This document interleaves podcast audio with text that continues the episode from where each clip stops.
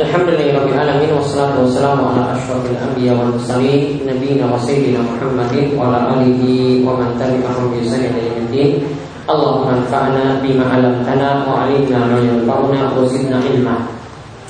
Ikhwani fiddin wa khatifillah rahimani wa rahimahullah Kita kembali uh, di dalam majelis ini Untuk melanjutkan pembahasan kita secara rutin Yaitu dari pembahasan hadis Arba'in An-Nawawiyah di mana kita membahas ya, 42 hadis yang disusun oleh Imam Nawawi di mana hadis-hadis tersebut adalah hadis usuluddin yang di mana merupakan dalil pokok-pokok dalam agama ini. Kita pada saat ini masih membahas tentang hadis yang keenam dan insya Allah kita rampungkan pada kesempatan kali ini. Pada kesempatan sebelumnya telah kita jelaskan dari hadis keenam tersebut tentang permasalahan yang halal itu jelas, yang haram itu jelas. Kemudian dibahas ada perkara yang sama yang masih syubhat antara halal dan haram. Ya, ini disebut dengan perkara yang syubhat. Untuk perkara yang syubhat di sini kadang itu muncul dari uh, perbedaan pada para ulama ketika menyikapi halal dan haram. Bisa jadi dalilnya itu ada yang menyebutkan halal, dalilnya ada yang menyebutkan haram. Sehingga ada yang ulama yang memilih dalil yang haram dan ada ulama yang memilih dalil yang halal. Akhirnya jadi subhat atau jadi samar seperti itu.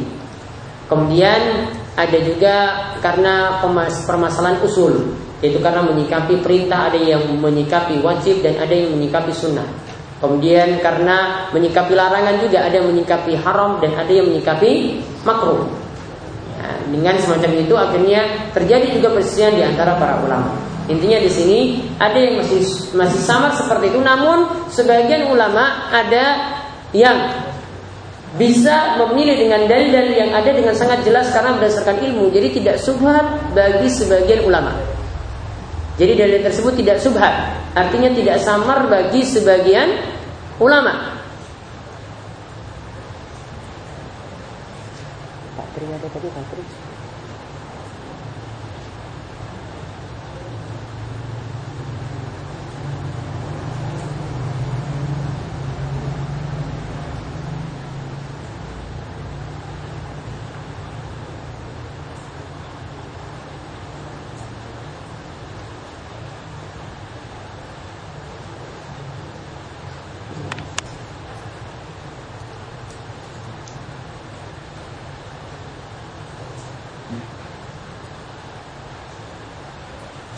Ya kemudian untuk perkara subah tadi jika seseorang itu menjauhinya maka faqadistabro ali ini war maka dia akan menyelamatkan ya kehormatannya dan juga agamanya. Kemudian dan ada perkara subhat yang jika orang itu melakukannya malah dia akan terjatuh pada yang haram. Ya, dan terjatuh pada yang haram di sini. Baik, kita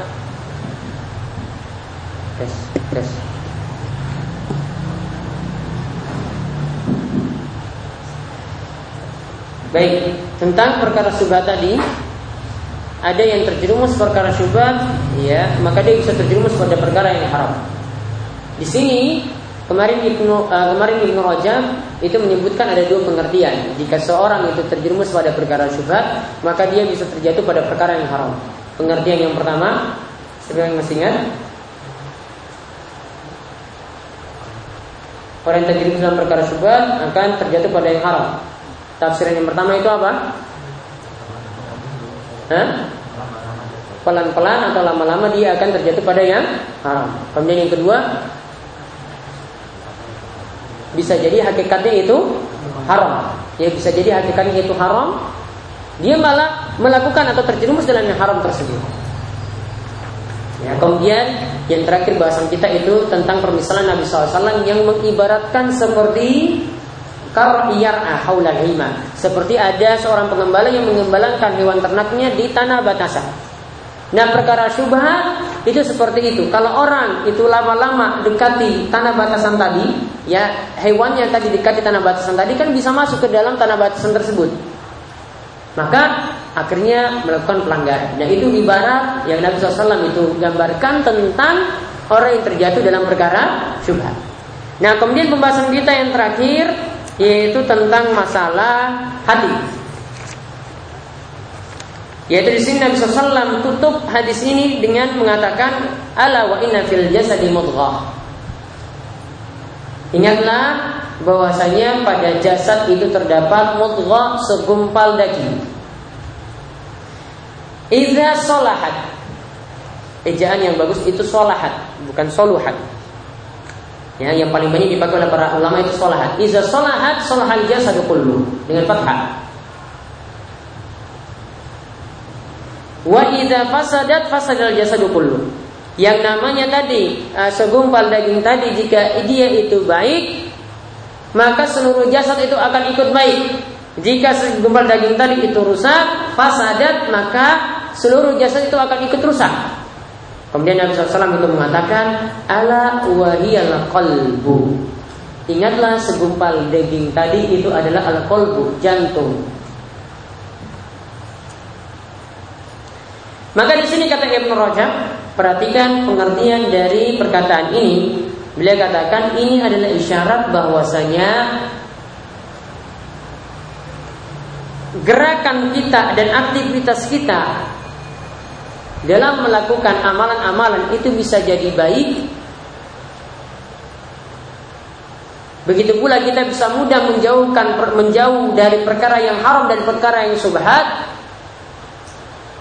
Itu jika kita memiliki hati yang baik. Jadi kita mudah melakukan amalan kebaikan dan juga kita mudah menjauhkan diri dari yang haram dan juga menjauhkan diri dari yang subhat itu asalnya dibangun dari hati yang baik. Ya, ingat baik-baik sini perkataan dari Ibn Rajab. Berarti orang yang mudah beramal itu jika dia memperbaiki hatinya terlebih dahulu. Orang yang mudah menjauhkan diri dari yang haram berarti dia memperbaiki hatinya terlebih dahulu. Dan orang yang mudah juga meninggalkan yang subhat. Orang yang mudah meninggalkan yang subhat juga berawal dari dia memiliki hati yang baik.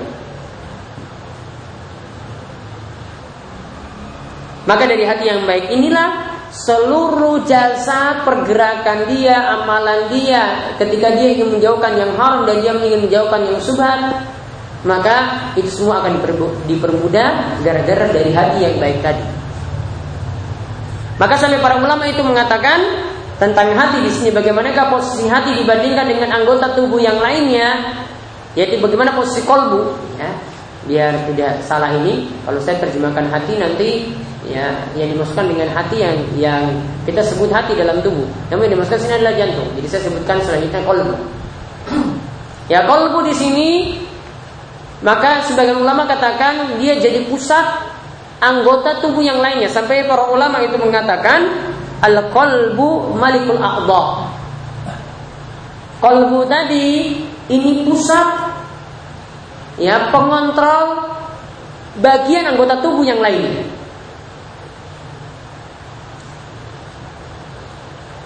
Pusat di sini maksudnya dia itu rajanya, pemimpinnya, dikatakan malik. Jadi kolbu tadi ini adalah malik, pemilik atau raja dari anggota tubuh yang lainnya. Lalu mereka katakan, para ulama katakan wabagiyatul a'dha junuduhu. Sedangkan anggota tubuh yang lainnya selain jantung tadi, selain kolbu tadi, itulah tentaranya. Jadi kan raja itu kan punya tentara. Ya, yang jadi rajanya ini adalah kolbunya tadi. Sedangkan yang jadi tentaranya itu tadi, tangannya, kakinya, kepalanya, anggota tubuh yang lainnya.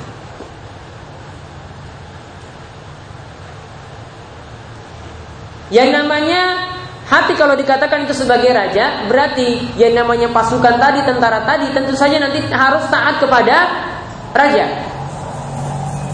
Harus taat kepada raja. Raja perintahkan demikian ya harus ditaati. Raja melarang demikian ya juga harus ditaati. Tidak boleh diselisih perintahnya.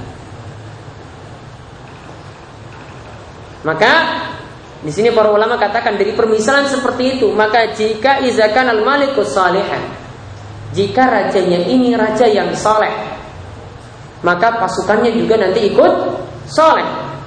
Kemudian kalau rajanya ini raja yang fasik, raja yang rusak, maka nanti pasukannya juga ikut rusak.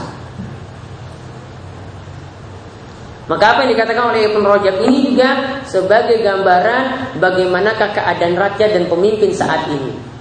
Kalau keadaan pemimpin itu rusak, itu karena keadaan rakyatnya juga yang, juga situ rusak.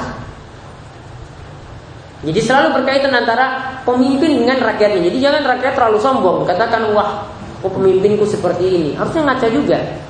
Ya, Harusnya ngaca juga lihat diri sendiri juga. Kenapa pemimpin bisa seperti ini selalu berkaitan antara raja dengan pasukan selalu berkaitan. Maka kalau hati posisinya seperti tadi sebagai ibarat sebagai malik, pemilik atau raja, maka baiknya hati berarti akan mensukseskan manusia itu. Ya, maka manusia itu akan sukses dan akan selamat. Maka Allah Subhanahu wa taala katakan yauma la yanfa'u malun wala banun illa man atallaha biqalbin salim. Tidaklah bermanfaat harta maupun anak yaitu pada hari kiamat kecuali yang datang berjumpa dengan Allah dengan hati yang salim, hati yang selamat, hati yang bersih. Sekarang bagaimana hati yang bersih tadi? Nah ini dijelaskan oleh Ibnu Rajab selanjutnya. Selanjutnya beliau jelaskan tentang hati yang bersih itu seperti apa. Dan sini bisa dicatat baik-baik apa yang dimaksudkan dengan kolbun salim atau hati yang bersih atau hati yang selamat. Ibnu Rajab itu mengatakan Fal qalbus salim wa salim minal afat wal makruhat kulliha yaitu hati yang bersih atau hati yang selamat tadi itu adalah hati yang selamat dari berbagai macam penyakit dan hal-hal yang tidak disukai. Dan hati ini kata Ibn Rajab di dalamnya cuma memiliki ya kalbu ini ya di dalamnya itu cuma memiliki rasa cinta kepada Allah. Rasa takut kepada Allah. Kemudian juga kolbu ini punya rasa takut juga jangan sampai jauh dari Allah Subhanahu wa taala. Jadi kolbu yang salim ya tadi jantung yang sehat tadi atau dikatakan kolbu yang selamat itu adalah dikatakan itu jika dia bersih dari hal-hal yang diharamkan atau hal-hal yang tidak disukai dari segala macam penyakit hati dan juga di dalamnya hati tersebut punya rasa cinta hanya kepada Allah, punya rasa takut hanya kepada Allah dan juga dia punya rasa kekhawatiran kalau jauh dari Allah Subhanahu wa taala.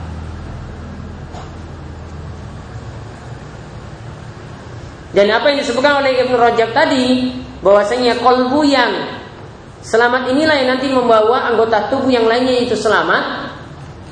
Ini juga kita dapat melihat pada sabda Nabi SAW yang lainnya seperti dalam Musnad Imam Ahmad yaitu dari Anas bin Malik bahwasanya Nabi SAW itu bersabda la yastaqimu imanu abdin hatta yastaqima qalbuhu yaitu iman seseorang itu tidaklah bisa yastaqim tidak bisa lurus sampai hatinya itu lurus.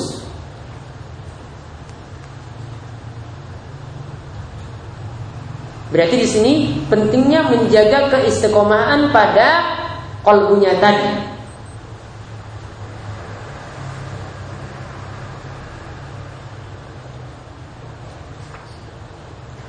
Nah sekarang bagaimanakah bentuk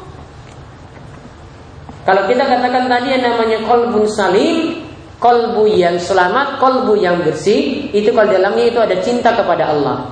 Sekarang Ibnu Rajab menjelaskan apa tanda cinta pada Allah.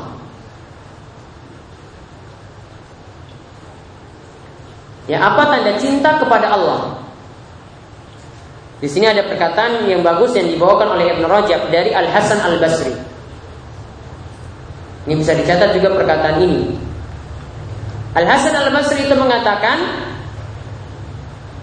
para sahabat Nabi SAW itu mengatakan pernah mengatakan kepada Rasulullah SAW bahwasanya kami itu sangat mencintai Allah, benar-benar sangat mencintai Allah. Lalu mereka tanyakan kepada Nabi SAW, bagaimanakah tanda seseorang itu bisa mencintai Allah? Seseorang disebut mencintai Allah. Maka ketika itu dibacakanlah firman Allah Subhanahu wa taala, "Qul in kuntum tuhibbunallah fattabi'uni yuhibbukumullah."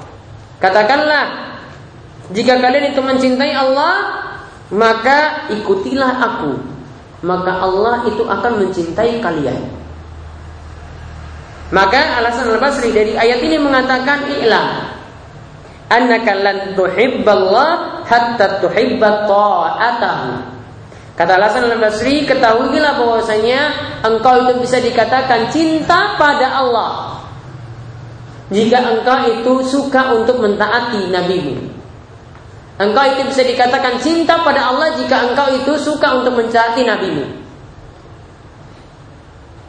Berarti tanda cinta Allah adalah mencintai nabi. Mencintai nabi di sini dikatakan oleh oleh Hasan al Basri yaitu dengan mentaati perintah Nabi Shallallahu Alaihi Wasallam. Berarti tanda cinta Allah berarti adalah taat Rasul.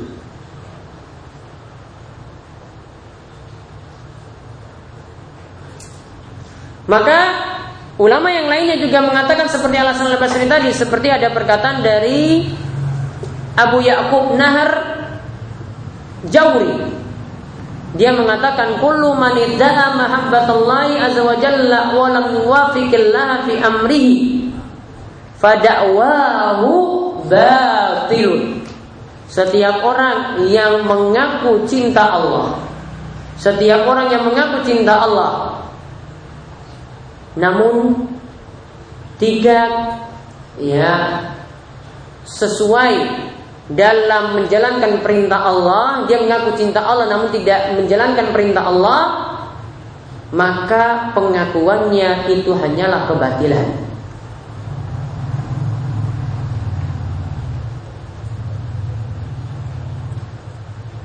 Maka di sini juga sekaligus menunjukkan bahwasanya Klaim cinta pada Allah itu jangan cuma klaim saja, cuma ngaku-ngaku saja. Harus dibuktikan dengan mentaati perintah Allah. Kalau tidak dibuktikan, maka dakwahnya atau pengakuannya itu hanya kebatilan.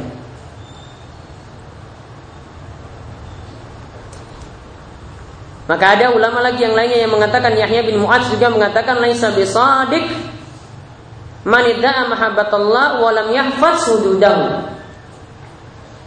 Tidaklah disebut orang yang jujur, orang yang ngaku-ngaku cinta Allah, namun dia tidak menjaga aturan-aturan Allah, tidak mengindahkan aturan-aturan Allah.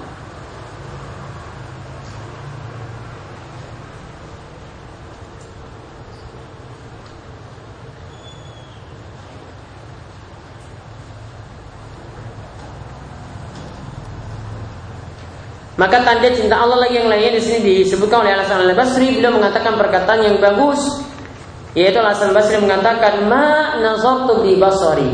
Aku tidaklah memalingkan pandanganku. Wala bilisani dan aku tidak berucap dengan lisanku. Wala batastu biyadi dan aku tidak menyentuh dengan tanganku. Wala nahattu ala qadami. Dan aku tidak melangkahkan kakiku hatta anzura ala ta'atin atau ala. Melainkan aku melihat terlebih dahulu apakah setiap gerakanku ini ini kepada jalan ketaatan ataukah kepada jalan maksiat. Fa in kana ta'atun taqaddamtu. Jika ini adalah langkahku nanti, gerakanku nanti untuk ketaatan, baru aku mau melangkah. Wa in kanat maksiatun wa in kanat maksiatun ta'akhartu. Jika itu maksiat, maka aku akan urungkan langkahku tadi. Maka bukti tadi dia diberikan pendengaran, diberikan lisan, diberikan tangan, diberikan kaki, dia jalankan untuk kebaikan dan dia tidak jalankan untuk kemaksiatan. Maka selanjutnya atau terakhir Ibnu Rajab ini menjelaskan ya beliau tutup dengan mengatakan faulail qaum Lama maka setiap orang jika hatinya itu baik. Hatinya itu diisi dengan cinta kepada Allah. Cinta kepada Allah itu dibuktikan dengan mentaati perintah Allah dan Rasulnya. Maka kalau hati seorang itu baik kata Ibnu Rajab, falam yabqa iradatan li azza wa. Maka tidak ada lagi keinginannya pada selain Allah. Maka karena hal itu salahat jawarihuhum. Anggota tubuh yang lainnya lagi itu akan baik. Maka falam tataharrak illa lillahi azza wa jalla. Maka setiap gerakannya itu hanya karena Allah wa bima fihi ridahu dan setiap gerakannya itu adalah untuk mencapai ridho Allah Subhanahu wa taala semata. Maka lihat di sini intinya kaitan dengan yang kita bahas di awal, kaitan dengan halal haram, kemudian dengan perkara syubhat. Nabi SAW tutup dengan menjelaskan tentang masalah hati. Hati itu jadi pemimpin anggota tubuh yang lainnya. Ini untuk menjelaskan bahwasanya kita mudah melakukan yang halal tadi dan kita mudah menjauhkan diri dari yang haram dan yang subhat. Itu kalau dibangun dengan hati yang saling, dibangun dengan kolbu yang saling. Kalau kolbunya itu bersih, kolbunya itu selamat, yang diisi dengan cinta pada Allah, maka nanti ya untuk menjalankan perintah dan menjauhi larangan itu akan mudah. Maka di sini harus tahu kita harus mendahulukan kecintaan pada Allah. Nah inilah yang menunjukkan kolbunya itu bersih. Maka jangan dahulukan dengan kecintaan kecintaan kepada selainnya yang ini dibuktikan dengan seorang itu menolak wahyu Allah Subhanahu Wa Taala. Ini kadang seseorang itu menolaknya itu di antara sebabnya itu karena sudah ngefans. Di antara sebabnya karena mengedepankan hawa nafsu. Ya maka kalau diberi nasihat apa pun, ya dikasih tahu ini perintah, ini wajib, dikasih tahu ini haram. Kalau ini sudah kegandrungannya sudah sangat-sangat tinggi, maka tidak akan tidak akan mau mendengar wahyu, tidak akan mau mendengar Al-Quran, tidak akan mau mendengar hadis. Namun kalau hatinya itu ditundukkan pada Allah Subhanahu wa taala, mau diberitahu apa pun juga mau disuruh, ya ini tinggalkan yang haram. Ingat nanti kalau tinggalkan yang haram ini Allah Subhanahu wa taala Subhanahu wa taala akan ganti maka dia akan memenuhinya. Ya, maka ini yang perlu diperhatikan. Ya, kita harus kedepankan wahyu, kedepankan dalil. Ya, maka nanti kita akan mendapatkan kecintaan Allah Subhanahu Wa Taala dan mudah melakukan kewajiban dan menjauhkan larangan. Maka mungkin dalam suatu perkara mungkin kita tidak masuk di logika kita karena ya mungkin pengetahuan kita yang terbatas atau ilmu kita yang terbatas. Namun para ulama mungkin ini melarang hal ini. Ya, contoh misalnya, ya, contoh misalnya dalam ini yang paling sering di banyak diperdebatkan itu tentang masalah al-wala wal bara. Di antara prinsip al-wala wal bara yaitu kita setia dengan sesama orang beriman dan benci terhadap orang kafir yaitu tidak tasyabu dan tidak menggunakan siar-siar mereka. Tidak menggunakan simbol-simbol agama orang lain. Contoh misalnya menggunakan ya salib. Ini seorang muslim tidak boleh menggunakannya. Namun kadang sebagian orang itu tidak sadar. Dia pakai kaos bola, ternyata di kaosnya itu ada lambang salibnya. Tidak sadar, ya. Bahwasanya di sebagian klub-klub di dunia, ya, itu bahkan yang tersor-tersor dan ini yang paling di digemari, ya. Mau saya sebutkan nanti kasihan nanti. Ya. ya. Itu lambangnya, itu lambangnya pakai salib. Ya, ada yang lambangnya itu pakai salib. Ya, cuma sebagian e, cuma ya katanya saja sudah dihapus karena ada yang mau nanam saham dari negara-negara Islam. Namun kan yang dulu-dulu ya jersinya kaosnya ya pakai yang lama kan? Berarti kan masih ada. Seorang muslim itu punya prinsip itu meninggalkan siar-siar non muslim. Taruhlah di sini dia logikanya itu tidak masuk kok masa kayak gitu saja kok nggak ini nggak boleh. Ya, kita kan tidak membela agama mereka kan cuma pakai kaos saja. Ingat Nabi SAW ketika mengatakan kepada Adi bin Hatim ketika Adi bin Hatim itu masih baru saja masuk Islam. Orang masuk baru masuk masuk Islam, yaitu masih ada sifat-sifat jahiliyah. Ketika itu dia pakai salib dari emas, ya salib dari emas. Datang pamer-pamer pada Nabi SAW, Nabi SAW melihat, wahai uh, Adi bin Hatim, itu apa? Dia bilang ini salib dari emas. Kemudian Nabi SAW katakan itra hadzal wasan. Buang jauh-jauh wasan ini. Yaitu wasan di sini maksudnya ditujukan itu untuk salib tadi. Ya wasan itu padahal ini patung-patung. Ya berhala-berhala. Namun Nabi SAW istilahkan untuk salib tersebut. Maka Nabi SAW saya seperti itu suruh copot. Maka kalau mau beriman kepada Allah Subhanahu wa taala dan rasulnya mau taat kepada nabi, berarti yang seperti ini juga harus di, dicopot. Maka dihapus seperti itu atau tidak pakai sama sekali. Namun kalau orang yang sudah ngefans, tadi saya sebutkan di awal, orang sudah ngefans, mau dinasihati kayak apa pun juga itu pasti ditolak.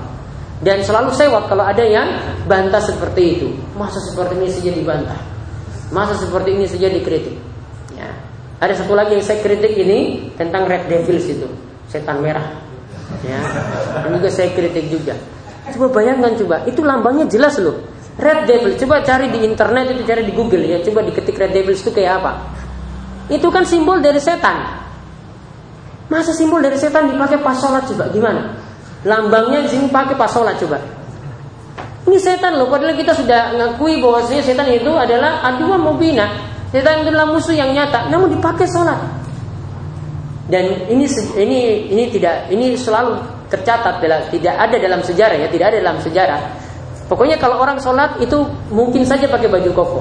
Eh maaf, mungkin saja pakai baju koko, mungkin saja pakai baju bola. Ya kan? Maka nanti lihat ada Messi yang masuk masjid, ada Ronaldo yang masuk masjid itu ada. Ya. Namun tidak ada dalam sejarah, tidak pernah tercatat dalam sejarah orang pakai baju koko itu masuk bola di main bola di lapangan. Tidak ada. Ya, ada yang pernah pakai baju koko masuk lapangan coba. Ada. Timnas pakai baju koko ada. Ya. Nggak ada. Namun coba yang gemar ngefans sama bola itu masuk ke, ke masjid coba pakai baju bola. Saking fanatiknya coba, saking fanatiknya itu bawa salib lagi coba gimana? Ya bawa salib dan rata-rata klub dan negara-negara di Eropa itu semua pakai salib. Entah salibnya itu tegak gini atau salibnya miring gini. Pakai salib. Ya, Coba lihat di uh, yang bendera negara Norwegia yang utara-utara kutub sana itu rata-rata pakai salib yang terbalik seperti itu. Itu kan lambang salib juga loh. Ya, ada yang tegak, ada yang tidur salibnya. Sama. Namun karena sudah fanatik ya tadi dibilang sewot lah, dibilang inilah, orang kasih saran kok kasih nasihat. Ya, jadi kalau orang tidak meyakini tidak memiliki hati seperti yang kita sebutkan tadi tidak mendahulukan kecintaan pada Allah dan Rasulnya maka tidak mau mendengar wahyu. Maka tidak mau mendengar dalil. Namun kalau dia kedepankan tadi dia tundukkan tadi hatinya tadi dia tundukkan maka kembali tadi tentang masalah halal haram dan subat benar-benar akan dia lakukan. Halal akan dia lakukan yang haram itu akan dia tinggalkan yang subat akan dia tinggalkan. Berawal dari hati yang baik hati yang dia tundukkan pada wahyu maka kadang mungkin dalam suatu perintah kita itu akhirnya menundukkan hati kita. Mau tak mau ini ada logikanya atau tidak, ah pokoknya saya manut saja. Disuruh hapus, disuruh hapus. Adi bin Hatim kan tadi cuma manusia sama Nabi SAW. Ya disuruh. Dia nggak tanya lagi nggak balik nanya. Eh, terus kenapa wahai Rasul? Ada masalah? Enggak kan dia nggak tanya kan? Dia nggak tanya lagi nggak balik tanya loh. Manut langsung ketika diperintahkan seperti sudah cabut nggak kayak kita masih oh, masuk kayak gini saya nggak boleh kayak gini saya nggak boleh ini tanya langsung ya sami'na wa Sudah selesai. Maka hatinya benar-benar ditundukkan. Lakukan yang halal mudah, lakukan yang ya, tinggalkan yang haram itu nanti mudah. Meninggalkan yang subat itu mudah. Dia tundukkan hatinya itu semuanya. Maka Nabi SAW tutup tadi. Hadis hari ditutup setelah menjelaskan yang halal, yang haram, yang subhat. Ditutup dengan masalah hati. Berarti semuanya itu bermula dari hati yang mesti ditundukkan. Kalau hati itu ditundukkan dengan benar, maka nanti mudah untuk melakukan hal-hal yang Tadi diperintahkan di awal melakukan yang halal, dia milih yang halal untuk menjauhi yang haram, dia tinggalkan yang haram dan menjauhi yang subhat. Namun kalau hati tidak ditundukkan atau kalau tidak hatinya dalam keadaan kotor, maka jangan harap tadi yang halal itu bisa dia lakukan menempuh yang halal atau yang haram itu bisa dia tinggalkan atau yang subhat itu bisa dia tinggalkan. Pasti akan sulit. Maka semuanya itu berawal dari hati yang mesti ditundukkan pada wahyu Allah Subhanahu wa taala. Jadi itu intinya kenapa Nabi SAW tutup pembahasan ini dengan menyebutkan masalah hati setelah menyebutkan tiga hal yang penting tadi. Nah, insya Allah nanti pada pertemuan berikutnya baru kita nanti lanjutkan tentang masalah uh, adinu an nasihat. Nanti ada hadis yang berikutnya itu ada hadis yang ringkas. Ya, paling cuma satu pertemuan bisa jadi kita bahas satu atau dua hadis. Ya, karena penjelasan dari para ulama juga ringkas untuk ada hadis berikutnya. Jadi enam hadis yang pertama dari dari uh, kitab Arba'in Nawawi itu yang paling panjang. Ya, sebagainya juga ada yang panjang namun tidak seperti enam hadis yang pertama. Jadi kalau sudah lewati enam yang pertama, yang lainnya itu begitu singkat dan faedah-faedahnya juga tidak terlalu seperti banyak seperti yang sebelumnya. Sebelum kami tutup ada pertanyaan? Ya. Tanda tanda hari kiamat yang terakhir tentang semua tadi. Hmm. kan kalau aplikasi sekarang kan udah ada budak itu apa? Ya. Aplikasi sekarang kan tidak ada budak, namun tanda itu tadi Nabi SAW sebutkan antali dal amatu rabbataha yaitu ada budak wanita yang melahirkan anak majikannya. Ini seperti yang kami jelaskan kemarin, ini bisa jadi ya memang nyata seperti itu atau ini tanda mendekati akhir zaman itu banyak peperangan. Banyak peperangan, peperangan itu banyak, akhirnya banyak tawanan perang, ada tawanan perang dari wanita, wanita dijadikan budak. Budaknya nanti punya anak. Nah, itu di antara maksud dari hadis tersebut. Ya, jadi memang aplikasinya saat ini tidak ada. Namun nanti menjelang hari kiamat itu nanti banyak peperangan. Dari peperangan itu nanti banyak perbudakan. Dari perbudakan tadi nanti ada majikan yang menikahi budaknya, ya bersetubuh dengan budaknya punya anak. Nah itulah yang dikatakan dalam hadis. Ada lagi? Ya.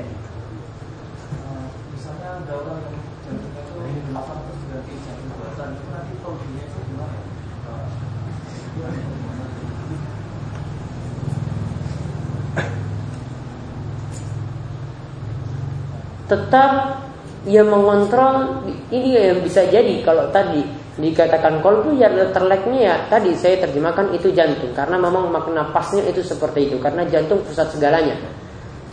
Namun kalau ini diganti dengan hati yang lainnya tidak mesti juga ini nanti terpengaruh dengan jantung yang lainnya. Jantungnya nanti jadi berubah, jadi keadaan dirinya itu jadi berubah lagi tidak.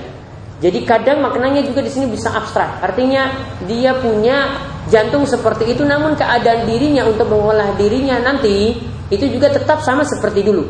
Seperti dibangun di atas ilmu. Ya jantungnya tadi bisa sehat dibangun di atas ilmu. Nah, ilmu yang inilah yang dia pakai untuk membangun jantung tadi. Jadi tidak selamanya jadi berubah lagi. Tetap karena dia punya ilmu yang sudah ada, maka itu nanti mengolah jantungnya tadi untuk jadi lebih baik lagi. Ada lagi yang lain?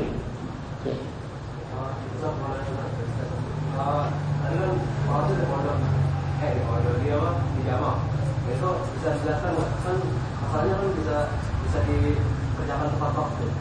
Kenapa nggak dikerjakan karena ada masalah hujan yang deras tadi.